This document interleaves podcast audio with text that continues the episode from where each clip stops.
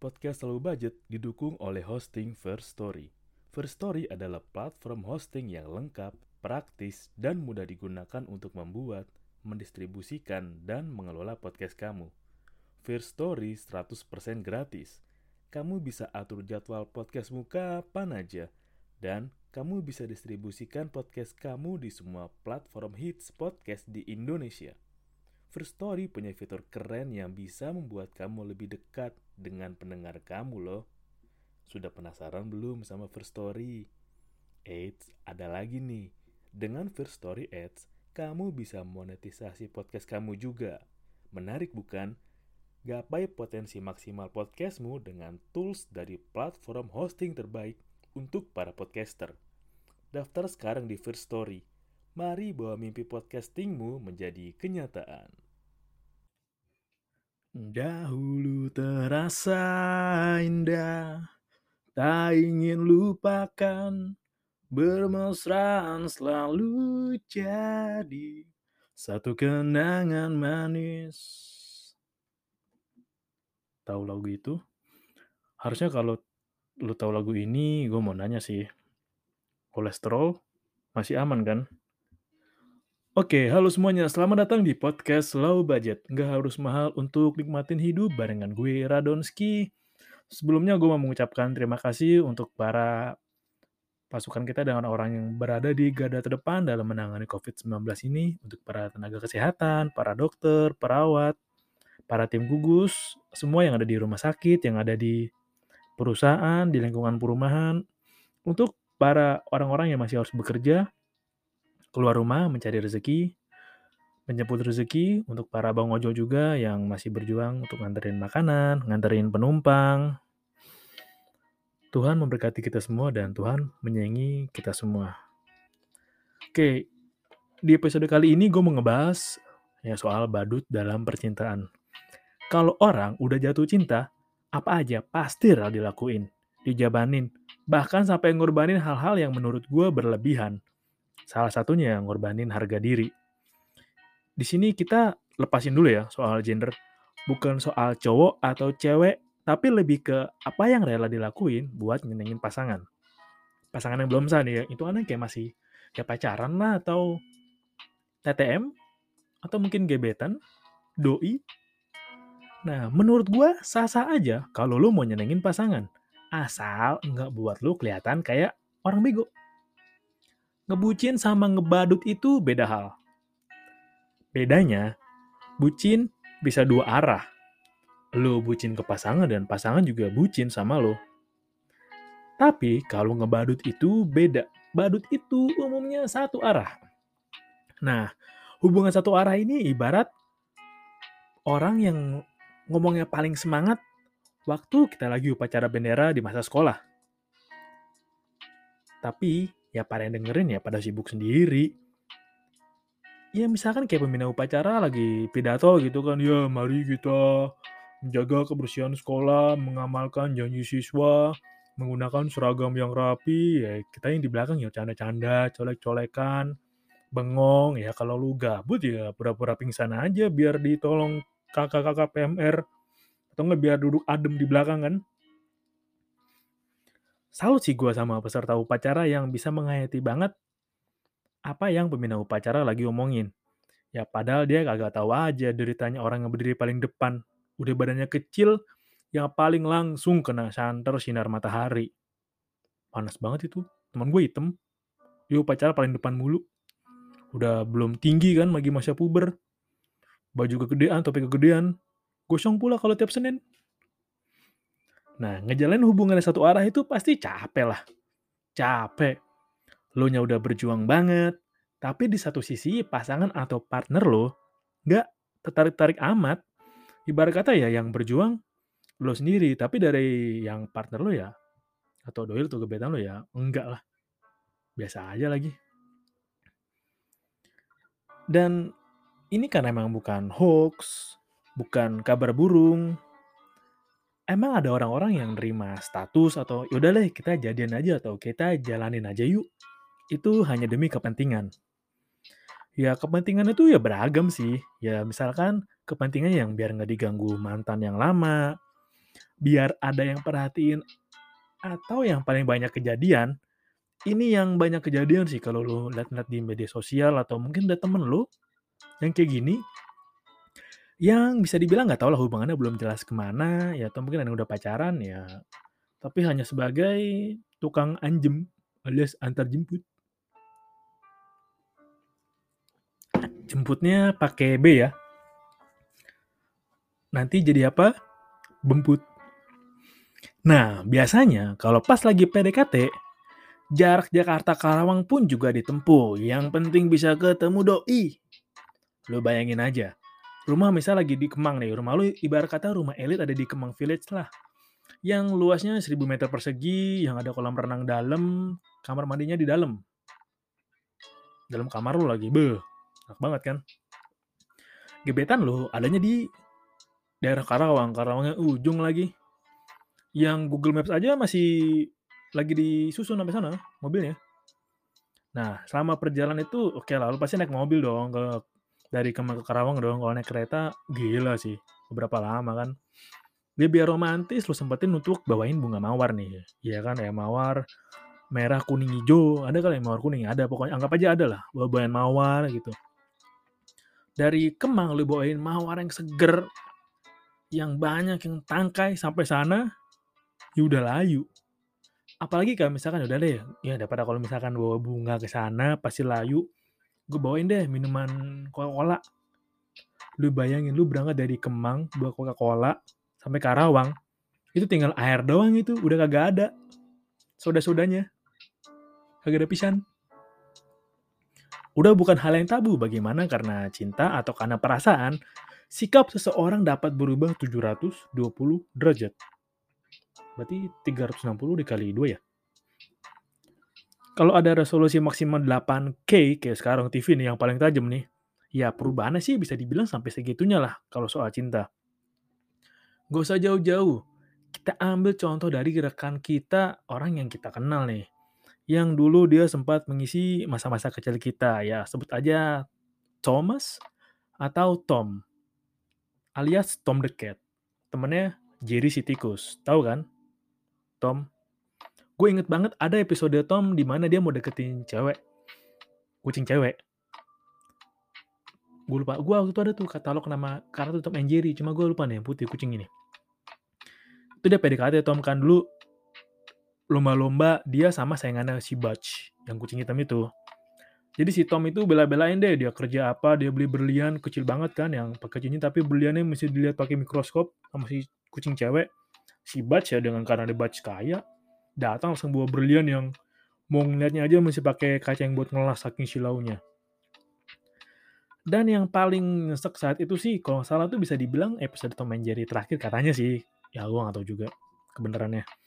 Si Tom sampai rela gadain, di, gadein dirinya sendiri dan rela lakuin kerja seumur hidup, gadein organ dalamnya, gadein ya semuanya lah dirinya lah bahkan lah ya biar bisa beli kendaraan buat ngapelin gebetannya.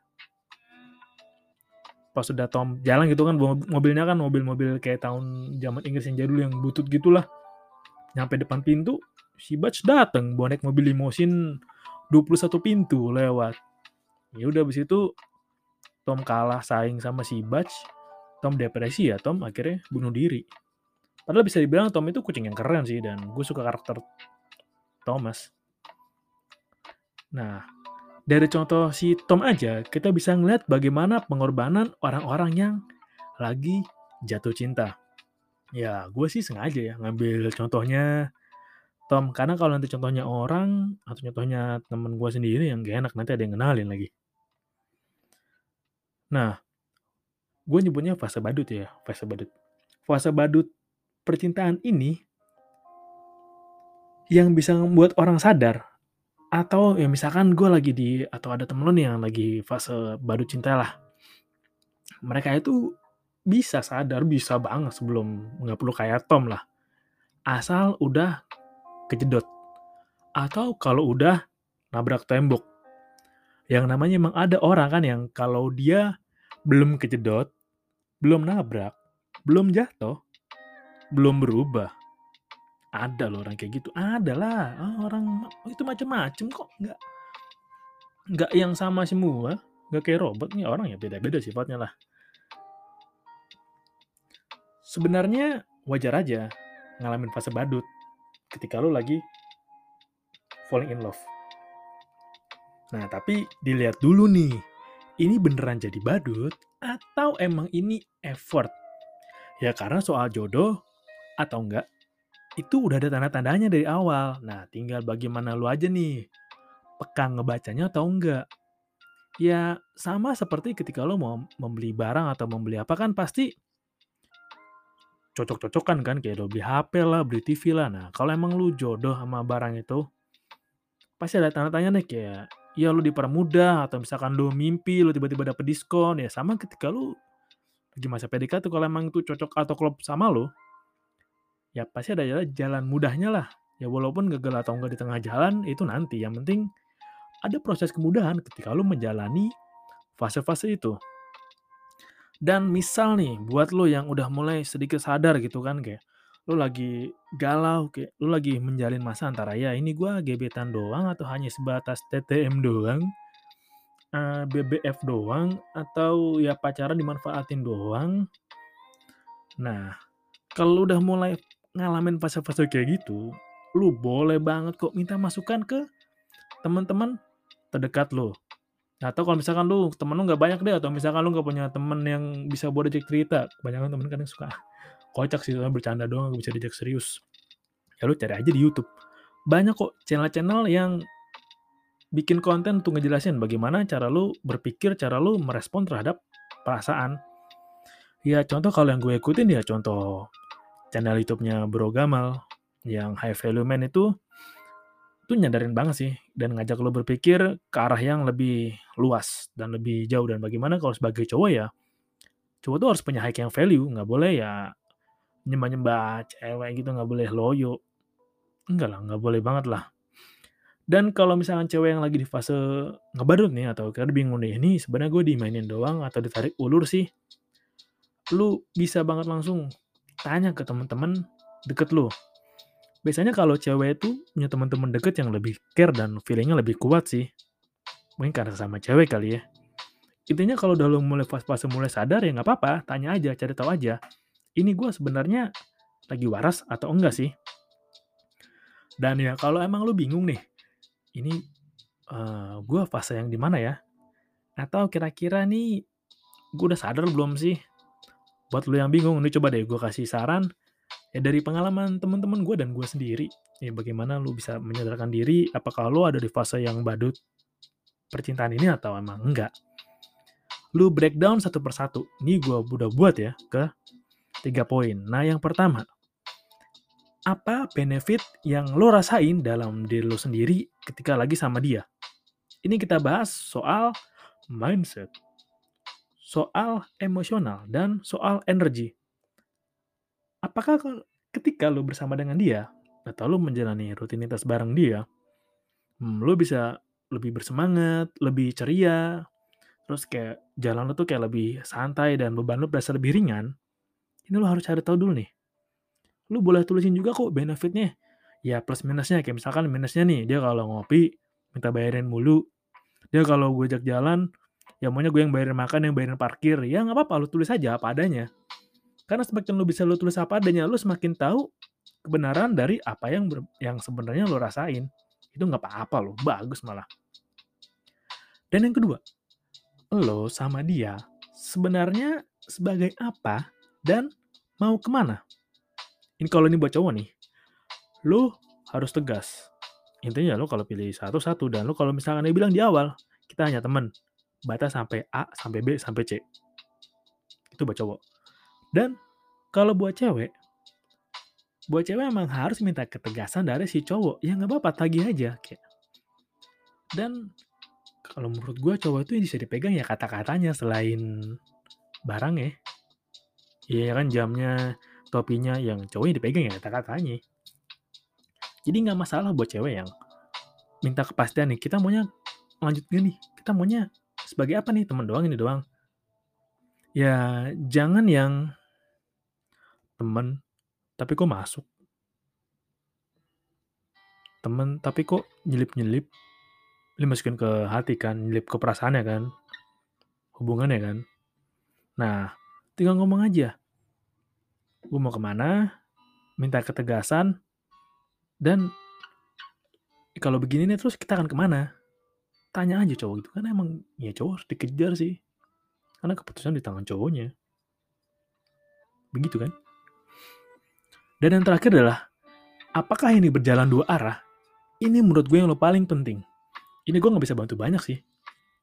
Uh, ini harus lo yang tanya ke diri lo sendiri. Apakah hubungan yang gue jalanin, PDKT yang gue jalanin, interaksi yang gue jalanin, effort yang gue lakuin, itu udah dua arah. Seenggaknya meskipun gue ngeluarin aksi, ada reaksi ya oke lah kita mungkin gak usah reaksi yang sama, tapi ada reaksi atau sinyal-sinyal yang oh ya udah ternyata dia tertarik juga kok. Ya misalkan ya lo tau sendiri lah bagaimana kalau ada cowok atau cewek tertarik sama lo, lo bisa baca kok dari bahasa tubuhnya. Ini hanya lo yang tahu sih dan lo pastiin ke diri lo sendiri apakah fase yang gue jalanin atau PDKT yang gue jalanin berjalan dua arah. Jangan sampai satu arah doang dong. Jangan sampai. Ya jalan tol aja punya dua arah kan. Musuh lu berjalan perasaan lu sendiri doang. Capek kan. Itu aja sih yang bisa gue bagiin soal badut dalam percintaan ini. Ya semoga aja sih udah sadar dan semoga bisa lebih tegas lah. Hmm, nentuin lu mau ke mana terus ya lu biar nggak sadar mungkin gak ada kok yang dimanfaatin lah dan sedih juga ngelihatnya sih ada sebagai pasangan yang anjem doang tiap pagi sampai ada tuh di Facebook gua lihat kayak eh, apa ibunya nanya kamu kok gak jemput ini sih tolong dong anterin si ini ke tempat kerjanya begitu juga terus kalau nggak bisa nganterin ya ada kata-kata yang tidak nyaman didengar di chat itu sih kebetulan gambarnya tuh screenshot chat WhatsApp gitu. Oke, itu aja. Thank you buat lo semua yang dapat dengerin. Ya, kalau emang lo rasa ini manfaat buat temen lo untuk sadar, untuk lebih bijak, biar gak mau bego-begoin, lo kasih denger aja saran dari gue. Siapa tahu manfaat ya, kalau enggak, apa-apa juga sih. Oke, itu aja. Sampai jumpa di episode lainnya. Salam low budget. Nggak harus mahal, untuk nikmatin hidup. Terima kasih. Have a nice day semua.